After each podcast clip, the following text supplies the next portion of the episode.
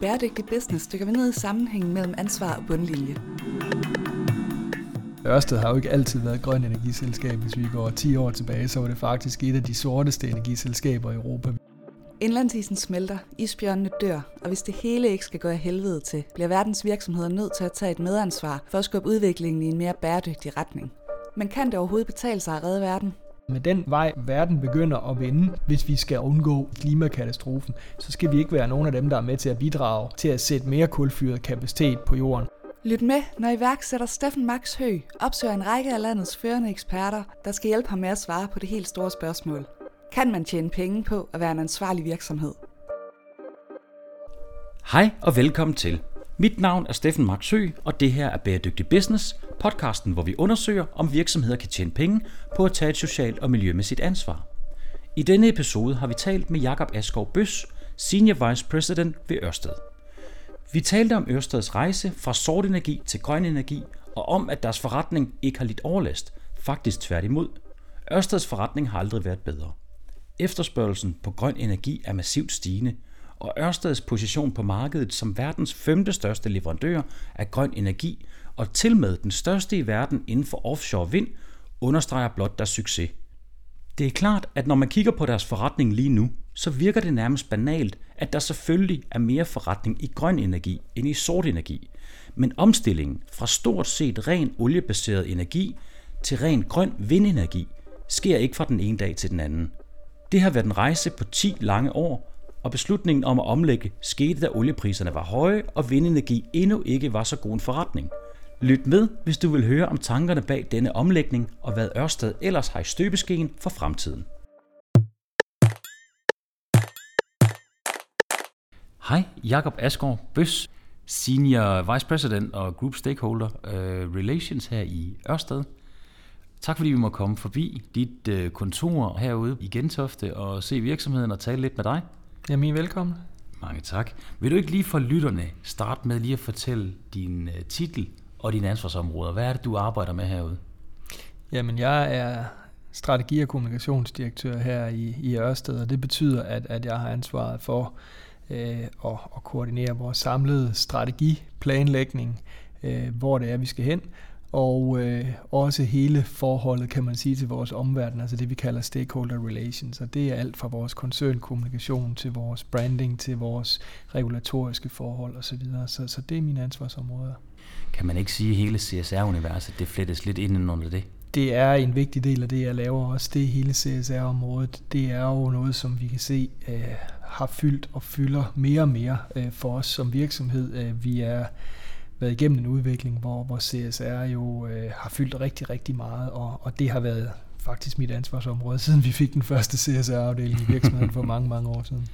Nogle folk vil jo nok mene, at du har det nemmeste job i verden, når Ørsted jo bare laver grøn energi. Jamen, du skal vel ikke rigtig gøre noget? Er det ikke bare at fortælle alle de gode historier, og så kører det af sig selv? Man kan sige, at, øh, at Ørsted har jo ikke altid været et grønt energiselskab. Hvis vi går 10 år tilbage, så var det faktisk et af de sorteste energiselskaber i Europa. Vi var et af de energiselskaber, som havde mest kul i vores el- og varmeproduktion på kraftværkerne, og hvis vi så på den samlede portefølje af energi, så var vi faktisk også et af de energiselskaber, der havde mest olie- og gasproduktion, så vi var rigtig, rigtig sorte for 10 år siden. så hele den rejse fra at være et af de sorteste energiselskaber i Europa til i dag at blive det grønneste og et af de fem største selskaber inden for vedvarende energi i verden, det er, jeg vil sige, det har ikke været helt let det hele. Det har, det har krævet både strategisk udvikling og tænkning og, og eksekvering, og så har det selvfølgelig også krævet, at vi har kunne følge med i forhold til at fortælle vores omverden og vores stakeholder, hvad det er for en, for en rejse, vi er på. Og det er jo nemlig lige præcis den rejse, der gør, at det er så interessant at få lov at tale med jer i, øh, i dag. Kan du ikke lige for, øh, for de folk, der sidder og lytter med, bare lige rise op, hvad er Ørsteds kerneforretning? Du kan sige, at Ørsted er bygget op omkring fire forretningsområder. Vi har offshore vind, som er, er klart det største forretningsområde. Så har vi øh, onshore vind, som er et relativt nyt forretningsområde, fordi vi nu også har besluttet at gå ind i, i at bygge vindmøller på land. I de sidste mange år har vi jo kun bygget dem på, på havet, men nu har vi altså også øh, købt et selskab og, og skal til at også bygge vindmøller på land, så det er nyt for os. Så har vi øh, Bioenergy, som er vores øh, biomassefyrede kraftværker her i Danmark, og så har vi nogle, kan man sige, mere innovative øh, bio øh, energiteknologier. Vi har en teknologi, der kan lave husholdningsaffald om til til energi, og i øvrigt også sortere alt affaldet, så vi får de rigtige fraktioner med ud igen og, og kan bidrage til den cirkulære økonomi. Vi arbejder også med, med biogasløsninger, hvor vi er inde og overtage øh, fraktioner fra, fra store øh, for eksempel fødevareproducenter eller andre virksomheder, som har noget biologisk affald, som vi også kan lave om til biogas. Så det er vores bioenergiforretning, og så har vi vores, vores Customer Solutions, som er hele kan man sige, interfacet ud mod markedet, hvor, hvor vi, kan man sige, sælger øh, vores forskellige løsninger til kunderne. Det lyder alt sammen rigtig spændende. Hvordan er jeres øh, forretning fordelt øh, i det globale marked? Hvor meget er I hjemmemarkedet her i Danmark? Øh, det er faktisk sådan i dag, at mere end 90% af vores indtjening kommer internationalt fra, så det er kun omkring 10%, der kommer fra, fra, fra hjemmemarkedet, og det er den internationale del, vi kan se, der vokser i, i, i de her år. Altså hvis vi går 10 år tilbage, så var det nok omkring 15 procent, der kom internationalt fra, resten kom fra Danmark. Så, så det har også været en, en, en meget markant internationalisering, vi har været igennem de sidste år 10. Ja, man kan også sige, at vækstperspektivet er trods alt også noget større uden for Danmarks grænser, end det er i, i lille Danmark. Hvis man ser på det globale marked for vedvarende energi, som jo er det, vi sidder og kigger på, så ser vi ind i en vækst over de kommende år frem til 2030, hvor, hvor den installerede kapacitet vil vokse 10% om året. Det er faktisk en meget, meget øh, markant vækst, når man ser på, hvor, hvor meget markedet og øvrigt generelt vokser, kan man sige. Ikke? Så der er masser af muligheder fremover, øh, hvis man er en spiller inden for, for vedvarende energi. Og det er selvfølgelig, øh, det er vi, og det er selvfølgelig et, et, et meget spændende øh, vækstperspektiv, som, som, som vi kigger ind i. Øh, det, øh, det lyder rigtig interessant. Noget af det, jeg synes, der er meget spændende, når man taler om, øh, om Ørsted, eller når snakken falder på Ørsted, det er, at, at lige nu kan vi jo alle sammen godt se, at grøn energi, det er vejen frem. Og, og her i 2017 var jeg også der, hvor det var, at den grønne energi ligesom blev, blev billigere end, mm. end den sorte energi. Men det er jo en omstilling, der har været undervejs, så det er jo mere, der hvor jeg virkelig bliver, bliver nysgerrig, og synes, det er ret imponerende, det er jo den rejse, der har været fra, mm. I har taget den her beslutning, og så til, hvor I står lige nu. For som du selv startede med at sige, så har det jo været et meget sort energiselskab. Kan du ikke fortælle lidt om den rejse? Jo, altså det er jo faktisk den beslutning om grundlæggende at omstille os fra at være et, et sort energiselskab til at være et grønt energiselskab, den ligger jo 10 år tilbage. Det var jo en vision, vi så at sige formulerede for første gang helt tilbage i 2008, hvor vi jo var meget sorte. Og dengang var, øh, var oliepriserne jo faktisk ret høje. Ja, ja. Der, var, der, der kan man sige, det der skete dengang, det var jo, at, at det var der, hvor man for alvor begyndte at tale om klimaforandringer, og at, at det kunne være et problem. Og øh, der øh, var vi jo nok nogle af de første til ligesom at se hvad det kunne betyde for energisektoren, og, og, og ligesom kan man sige, tage konsekvensen af at sige, jamen vi skal lægge vores fremtidige investeringer i grøn energi, hvis vi vi stod dengang med nogle, nogle beslutninger om, skulle vi for eksempel bygge et stort kulfyret kraftværk øh, i Tyskland, som skulle stå og, og brænde kul og udlede CO2 de næste 40 år, eller skulle vi hellere investere pengene i, øh, i, i vedvarende energi fra, fra havvindmøller. Og, øh, og, og så der havde vi nogle meget konkrete beslutninger inde på livet, hvor vi endte med at konkludere, jamen altså med den vej, verden begynder at vende, og, og, og, og den retning, vi kan se, at, at der er behov for, hvis vi skal omstille energisystemet og undgå kan man sige, klimakatastrofen, så skal vi ikke være nogen af dem, der er med til at bidrage til at sætte mere kulfyret kapacitet på jorden. Så skal vi sætte mere vedvarende energi. Og, og det var sådan set den retning, vi formulerede dengang, kan man sige, og som vi har forfulgt lige siden. Øh, det, der er interessant, det er, at, at den vision, vi formulerede tilbage i 2008, det var, at vi inden for en generation, det vil sige inden for 30 år, skulle have vendt om, sådan at dengang havde vi 15% grøn og 85% sort. Det sagde vi inden for en generation, skal det forhold være vendt om. Og der må vi sige, der er vi, der er vi jo der er kommet, i mål. kommet noget hurtigere i mål, end vi havde regnet med dengang. I 2023, der vil mere end 95 procent af vores energiproduktion være, være grøn. Så det er altså 17 år før, vi havde regnet med dengang. Og det er jo rasende imponerende, men jeg synes jo faktisk, der hvor det er, det virkelig bliver interessant, det er, at at øh, vi kan godt alle sammen se nu, at grøn energi, som jeg sagde lige før, er rigtig fornuftigt, men det er jo det der med at tage beslutningen på det rigtige tidspunkt. Mm. Og i 2008 kunne man jo nok også godt regne ud, at der vil ske noget med, at grøn energi vil blive populært, men hvorfor lige 2008, hvorfor ikke 2007? Altså det, det er jo det er mere det der med at ramme det rigtige tidspunkt, er jo så vigtigt. Hvad mm. gjorde, at man havde mod til at gøre det lige der? Eller at man så, det er jo ikke engang mod, det er jo vidderligt. Hvorfor synes man, det kan mening at gøre det lige der? Jamen altså, det er jo et, et samspil af mange faktorer, hvor man ligesom sidder og kigger på, hvad sker der rundt omkring i verden, og der skete nogle ting. Altså man kan sige, en af de ting, som jo allerførst skete, det var jo i virkeligheden, at Al Gore øh, lavede den her film, An Inconvenient Truth, hvor han ligesom sagde, at vi har et kæmpe problem. Ikke? Og det var jo noget, som var, var med til at få hele verdens øjne den op for. Den opmærksomhed vi har et problem her, vi er nødt til at gøre noget ved det, ikke? og som rejste en masse debat i samfundet. Ikke? Øh, der kom også øh, i, i de år den her Stern-rapport øh, fra, fra Sir Lord Nicholas Stern, som sagde, at, at det kan bedre betale sig at gøre noget ved klimaproblemerne, end ikke at gøre det, øh, altså ud fra sådan en national økonomisk betragtning. Og så var det også i, i, øh, i de år, at, øh, at EU vedtog det, de kaldte deres 2020-mål, altså at vi i 2020 skulle reducere vores, øh, Europas CO2-udledning med 20%, vi skulle have 20% vedvarende energi, og vi skulle øh, have 20% energibesparelser. Øh, så alle de her ting begyndte ligesom at, at, at flytte på sig, kan man sige. Og når man lagde alt det sammen, så kunne vi ligesom godt se, om det er den vej, samfundet og verden gerne vil. Og, øh, og når vi sidder og skal træffe nogle store investeringsbeslutninger, skal vi så ligesom investere, så at sige, i fortiden eller i fremtiden? Og, øh, og der valgte vi så ligesom at sige, at vi, vi, er, vi ser den samme retning. Øh, men, men man kan sige, der, der, var, der var jo en række af vores øh, peers i, i branchen, som nok ikke var helt så hurtige til at, at se, hvilken vej øh, vinden bar. Øh, og, øh, og det andet, som, øh, som, som nok også adskilte os fra nogle af de andre, det var, at vi jo så fokuserede meget klart på havvind, og sagde, det er det, vi skal gøre os indenfor. Hvor, hvor mange af vores, øh, vores kolleger i branchen, de havde måske sådan en, en håndfuld forskellige energi, vedvarende energiteknologier, de kiggede på, så fokuserede vi sådan fra ret tidlig stadie på at bygge vores kompetencer op inden for havvind. Og det har jo gjort, at vi i dag er verdens største selskab inden for havvind, og absolut det selskab, som har flest ingeniører og flest kompetencer til at være med til at udvikle den her teknologi.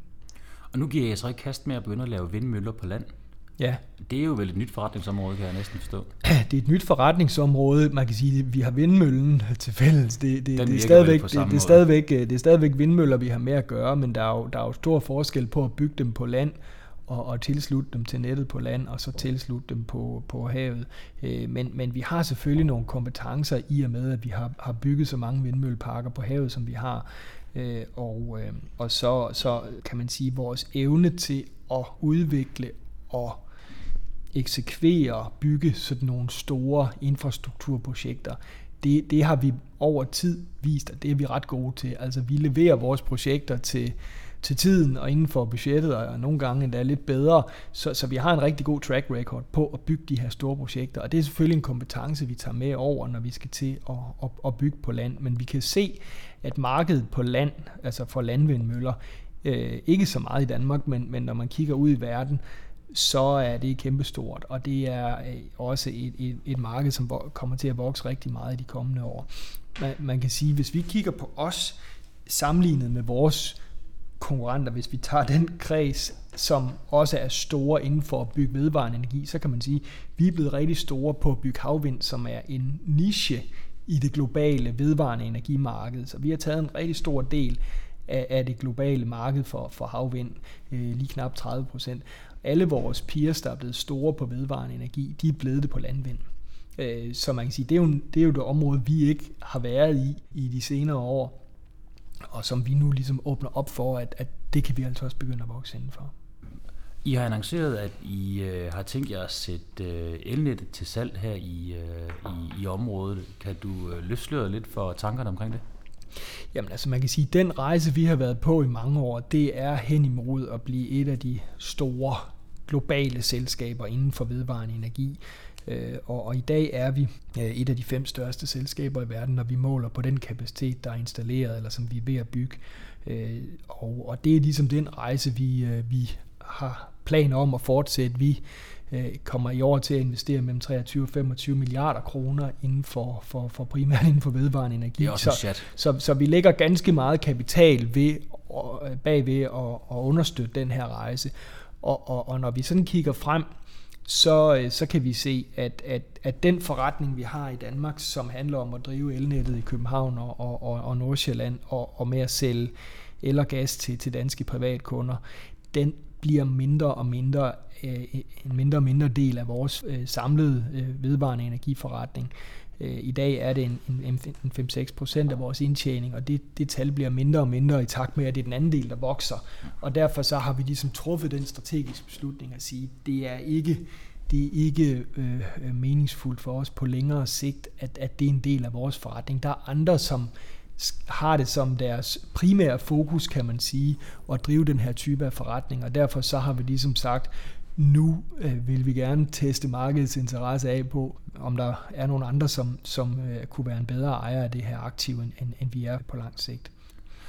Øh, når vi snakker øh, grøn energi, hvad er, øh, hvad er jeres øh, vurdering af, af solenergi og, øh, og for den sags skyld atomkraft? Er det noget, ja, solenergi tror jeg måske I tænker lidt mere på, men...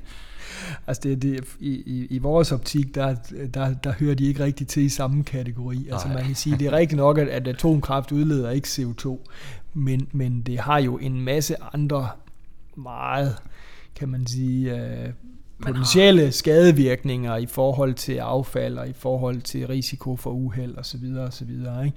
Så, så atomkraft er lidt i en kategori for sig selv. Altså man kan sige, at i Danmark, der besluttede man jo allerede politisk i 1984, at vi skulle ikke have atomkraft i, i Danmark.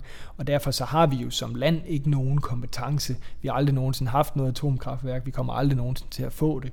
Øh, og vi har ikke i, i det hele taget haft nogen kompetence inden for det her område. Hvis man så ser på atomkraft i dag, så er faktum, at atomkraft er væsentligt meget dyrere at bygge, end for eksempel at bygge vedvarende energi.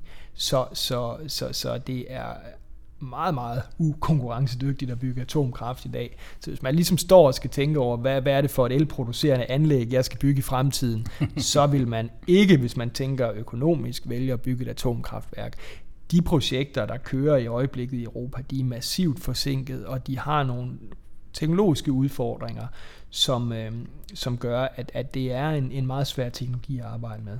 Så, så den, den parkerer vi lidt over i hjørnet. Vi kunne aldrig nogensinde drømme om at gå ind i atomkraft. Øh, lad mig bare sige det sådan. Det, jeg vil også sige, hvis du havde sagt ja til den lige nu, så, så tror jeg, at vi var blevet rækket op i diverse medier i morgen.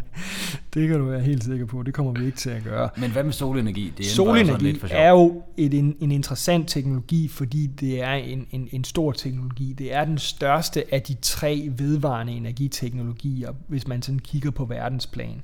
Øhm, og, øh, og, og det er jo fordi, der er rigtig mange regioner i verden, hvor man har gode solressourcer, og det er en teknologi, som er relativt nem at stille op. Øh, man kan sige, når vi jo, jo med vores udgangspunkt er startet inden for, for offshore vind, så skyldes det jo, at vi har nogle af de allerbedste offshore vindressourcer i hele verden ude i Nordsøen. Og det er jo ligesom derfor, at vi ligesom har gjort det til vores kan man sige, øh, adelsmærke at arbejde inden for, øh, for, for, for offshore vind. Men, men det er klart, at hvis man tager et mere globalt blik på det, så må man jo sige, at solenergi er jo en, en, en, en, en teknologiform, der vokser rigtig meget, øh, og, øh, og, og som også øh, er, er kommet rigtig langt ned i pris. Og det er en af de teknologier, vi kigger på, men man kan sige, vores kompetence indtil videre er i høj grad inden for, for, for vindenergien. Øh, men, men vi kan ikke afvise, at det kunne, kunne blive interessant på et eller andet tidspunkt. Spændende. Hvilke tanker gør du omkring Ørsted i forhold til at eksportere plug-and-play grønne løsninger til, øh, til andre lande?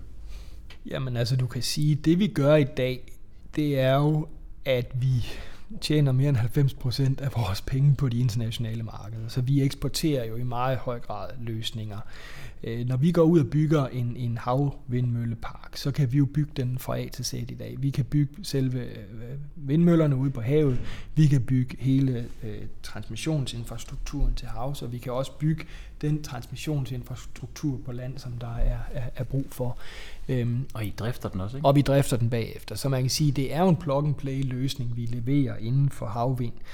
Øh, hvis man så kigger nogle år frem i tiden, så tror jeg da godt, man kan se for sig, at der bliver plukket nogle flere komponenter på, så at sige. Vi eksperimenterer i øjeblikket med at bygge batterier ind i havmølleparkerne. Ikke sådan for at lære på langt sigt, kan man sige, fordi der skal enorme mængder af batteri til.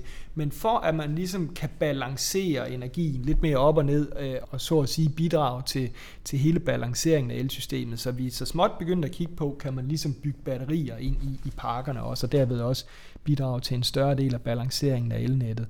Og, og, og hvis man kigger nogle år frem i tiden, jamen så kan man ikke afvise, at man også for eksempel ville bygge noget hydrogenproduktion på, så man, så man så at sige bruger noget af strømmen fra havmølleparken til at sende ind i en, en fabrik, der kan lave hydrogen, og, og som så kan bruges i industrisektor eller transportsektor, eller hvor det nu kunne være. Øh, så, så hvis man kigger frem i tiden, så, så kan man sige, så vil man nok Altså se, at, at, at der kommer flere og flere komponenter på det, vi leverer.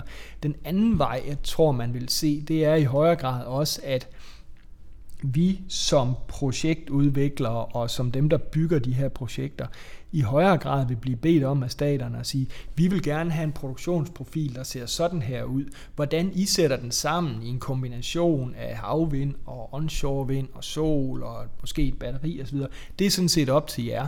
Vi vil gerne have et samlet tilbud på, at I kan levere den her produktionsprofil ind i nettet. Og det er jo et andet eksempel, kan man sige, på, at, at, at vi kommer til at se mere og mere integrerede løsninger. Så hvis jeg forstod det rigtigt, så kunne det være noget med, at et land kommer og siger, at vi har brug for så og så meget energi, og vi er egentlig ligeglade med, om det er sol eller vind, bare det er grønt, og I skal stå for at knalde det op og holde styr på det og drifte det. Ja, så du kan sige, den måde, det fungerer på i dag, det er jo, at man ligesom typisk byder ud og siger, vi vil gerne have bygget så og så mange megawatt, og så skal man byde en pris på det, og så byder man en pris ind på et eller andet antal megawatt øh, havvind øh, eller sol, eller hvad det nu måtte være. Ikke? Men, men megawatt, det, det er så at sige et tal for, hvor stor maskinen er. Men, men, men, men det man jo i stedet for kunne bede om, det var ligesom at sige, vi vil gerne have en produktionsprofil, der hen over døgnet ser sådan her ud, og det skal I ligesom kunne garantere. Og, øh, og, og hvis du bare tager sol som et grelt eksempel, så går solen op om morgenen og går ned om aftenen. Ikke? Og, og, og derfor så har den jo ikke en, en, en flad produktionsprofil, kan man sige. Den, den, den piker midt på dagen, og så, så er der ikke særlig meget sol om natten. Ikke? Øhm, så der er der brug for ligesom at, at komplementere med nogle andre teknologier, sådan at, at den samlede pakke så at sige leverer en, en produktionsprofil, der mere svarer til forbrugsprofilen. Ikke? Øh, og, og, og, og ved at stille den type af krav til, til projekterne, i stedet for bare at sige, at vi skal bruge så så meget megawatt et eller andet øh, havvind eller onshore vind eller hvad det måtte være, så lægger man jo en større del af ansvaret over på dem, der bygger anlæggene for at sige, det I sætter op, det skal altså i sig selv være bedre balanceret, end, end det er i dag. Og det er det her med, at energien kommer på forskellige tidspunkter. Sol er begrænset af, at den er op og nede, og vinden ja. nogle gange blæser det, nogle gange gør det ikke. Ja. Så det er simpelthen et spørgsmål om at få den her energi fordelt over et helt døgn, eller der, hvor det er mest aktuelt. Ja, det kan du, det kan du sige, og, og, og der, der er det store paradigmeskifte jo, at i gamle dage, hvor det var kraftværker, hvor man ligesom stod og skovlede kul ind i den ene ende, og så kørte man fabrikken eller kraftværket, når der var brug for, for strømmen, og så kunne man skrue ned, når der ikke var brug for det. Der, der er vi jo ved at bygge hele energisystemet om til, at vi høster energien, når den er der. Ikke? Og derfor så har vi brug for både de der lagringsteknologier, jeg talte om, så vi kan lagre, når der er overskud, eller i hvert fald bruge strømmen til noget andet fornuftigt, når der er overskud. Øhm, og, og i det hele taget, at, at de her forskellige teknologier, som jo fluktuerer i kraft af, øh, hvordan vejret udarter sig, kan man sige, øh, at, at, at de bliver mere samordnet, kan man sige. Ikke? Øh, så, så, så vi tror helt sikkert på, at det er muligt at bygge et system af vedvarende energi, som kan levere en, en, en, en stabil og høj forsyningssikkerhed. Men, men det kræver nogle andre kombinationer af de her forskellige teknologier, end, end, end dem vi ser i dag. Så du tænker ikke, at fremtiden byder på, at man kommer til at kunne få billigere strøm på nogle bestemte tidspunkter i døgnet, hvor det er, at der måske ikke bliver brugt så meget strøm, for eksempel når de fleste folk er på arbejde, frem for mellem 5 og 7, hvor jeg antager, at de fleste familier render rundt og laver mad derhjemme.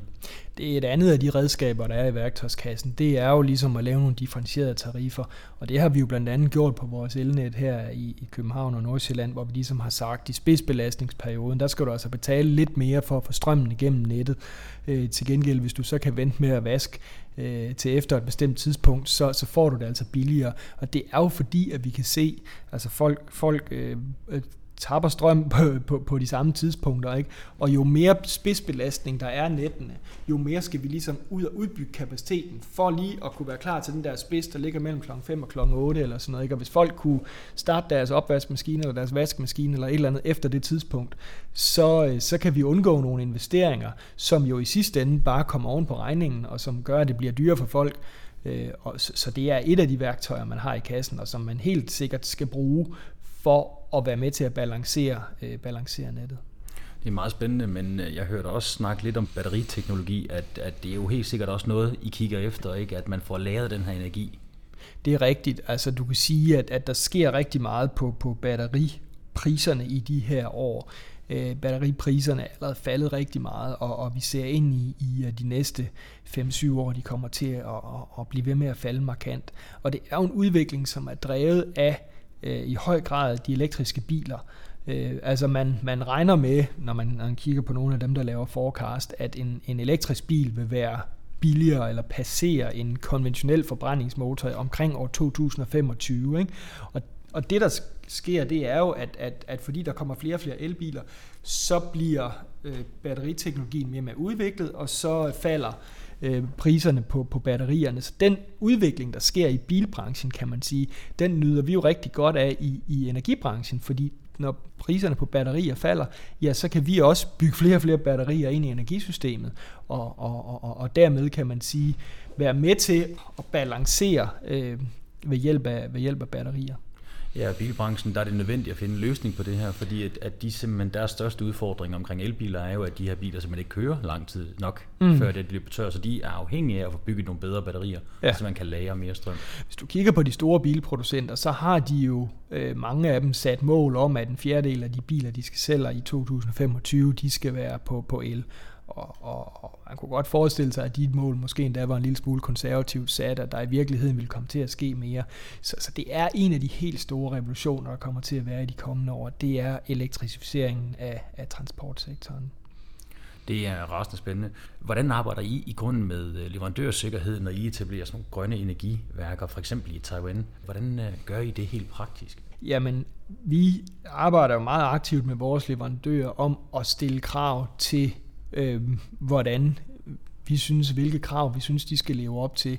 Og, og det er selvfølgelig øh, hele paletten fra nogle meget tekniske krav til leverancen til, hvilke miljøkrav vi stiller, for at vi ligesom kan være sikre på, at de har styr på de miljømæssige impacts af, af den produktion, de forestår, og helt over til de sociale og, og mere etiske krav, vi stiller. Vi har simpelthen sådan en code of conduct, hvor vi udtrykker, hvad det er, vores forventninger er til dem omkring øh, forskellige, øh, sådan kan man sige, at de mere bløde aspekter, det kan være arbejdsforhold, det kan være miljøforhold, det kan være korruption, det kan være menneskerettigheder, det kan være mange af de her ting, som, som, hvor vi ligesom som, som selskab har nogle, nogle helt klare forventninger til, hvad, hvordan vores leverandører skal, skal så at sige leve op til de krav. Ikke? Og det vi, det vi gør, det er, at vi simpelthen beder dem om at, at, at skrive under på, at de lever op til de her krav, og så laver vi en, en risikoscreening af, af, af de leverandører, som, som vi arbejder med, og, og hvis der er nogle leverandører, som man kan sige kommer ind på, på et lidt højere risikoniveau, hvor vi tænker, okay, her kunne vi have en, en begrundet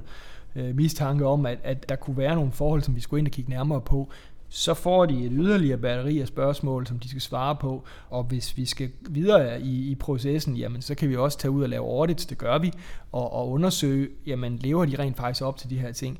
Og vores tilgang her er, øh, at arbejde, kan man sige, med, med, med det, vi kalder løbende forbedringer. Altså vi vil hellere gå i dialog med en leverandør og lave en handlingsplan, hvor vi i fællesskab siger, hvad er det for nogle gaps, der skal lukkes, for at vi ligesom kan være tilfreds med, med, med, med, med, med at I lever op til vores krav. Øhm, så så det, det, det er den måde, vi arbejder på. Så vi har hele tiden sådan et antal planer, kan man sige, forbedringsplaner, som er åbne, og hvor vi ligesom arbejder med leverandørerne på at få løst nogle af de her forhold, som vi, øh, som vi peger på, øh, er nødvendige at have styr på. Og, øh, og det, er, det er et arbejde, som, som jeg er personligt rigtig glad for, at vi gør, fordi det er noget, som helt konkret er med til at forbedre forholdene på en lang række områder, at vi går i dialog med leverandørerne og får løst problemerne, snarere end vi bare siger, så vil vi ikke handle med jer, og så bliver problemerne med med at være der.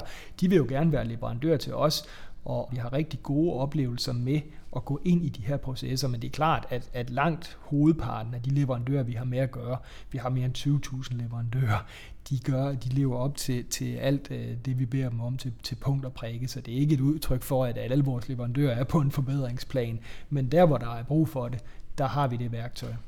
Men altså med 20.000 leverandører vildt fordelt på hele planeten, mm. der er jo også en grænse for, hvor meget man kan gå i detalje ja. med de her forskellige leverandører. Men når man så tænker på, at den dårlige omtale, der kan komme ud af sådan en situation, så, øh, så må I virkelig også have gjort jer nogle tanker om, hvordan det er, man får fuldt op på det. Det er derfor, vi har sådan et helt systematisk værktøj til simpelthen at, at identificere, hvad er det for en målstok, vi holder dem op imod, og hvor er det, vi så i givet fald identificerer nogle gaps og nogle forbedringspunkter, og så har vi simpelthen en hel afdeling, der er i dialog med leverandørerne om at få øh, lukket de her gaps. Det lyder rigtig fornuftigt, og særligt det, at man bliver ved med at bevare samarbejdet, så man rent faktisk også laver en positiv påvirkning i de her områder. Til allersidst, så har jeg et enkelt spørgsmål, og, og det er jo sådan the million dollar question, det er, hvor ser øh, du i øh, Ørsted om, øh, om fem år? Nu nåede I jo jeres mål omkring øh, grøn energi kontra sort energi, noget før I, I skulle have gjort det. Mm. Så, øh, så hvad tænker du om, om fem år? Jamen altså, du kan sige, at, at øh, vi passerede i 2017 den her grænse, hvor, hvor grøn energi bliver billigere end sort. Det er jo kæmpe gennembrud. Ikke? Ja, der må være momentum. Der er et momentum, og det betyder jo, at vi ligesom ser ind i et momentum, hvor væksten i den grønne energi kommer til at, at, at, at virkelig at, at tage til i de kommende år. Øh, og det er jo selvfølgelig klart, det er et marked, som, som vi gerne vil, vil tappe ind i. Hvis vi ser på vores egen portefølje, så har vi jo meldt ud, at i 2023, der er det slut med at brænde kul af i den her virksomhed. Så i 2023, der er ikke mere kul tilbage. Øh, det er også, også sådan på det tidspunkt, så vil mere end 95 procent af vores energiproduktion være, være grøn.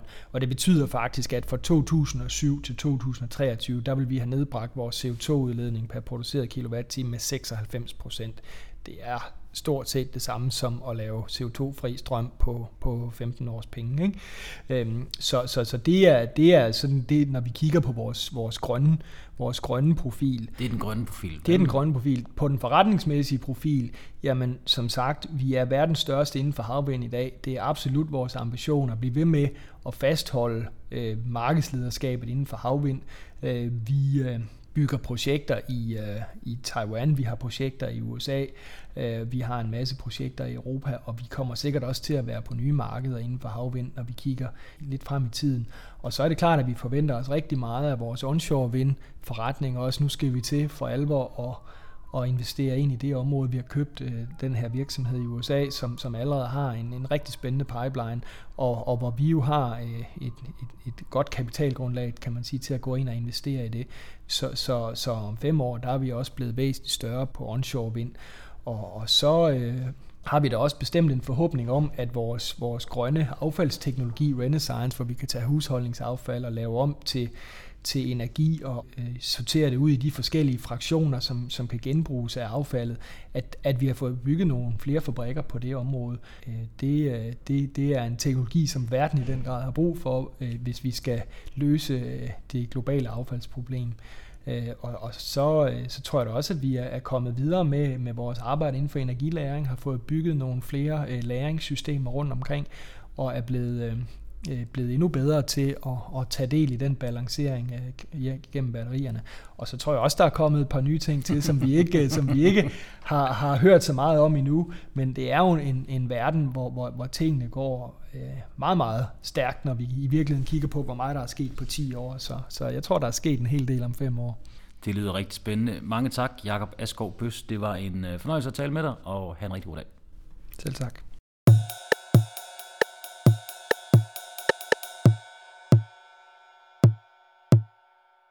Så fremtiden i Ørsted byder på meget mere eksport og nye tiltag. Solenergi og omdannelsen af husholdningsaffald til energi er bare nogle af de områder, der har Ørsteds interesse. Men som Jakob Askov siger, så går udviklingen meget hurtigt, og ingen virksomheder ved endnu, hvad fremtiden bringer. Tak fordi du lyttede til Bæredygtig Business. Husk, du kan finde os på træerkontor.dk eller der, hvor du henter din podcast. Mit navn er Steffen Marksø, og jeg håber, vi lyttes ved.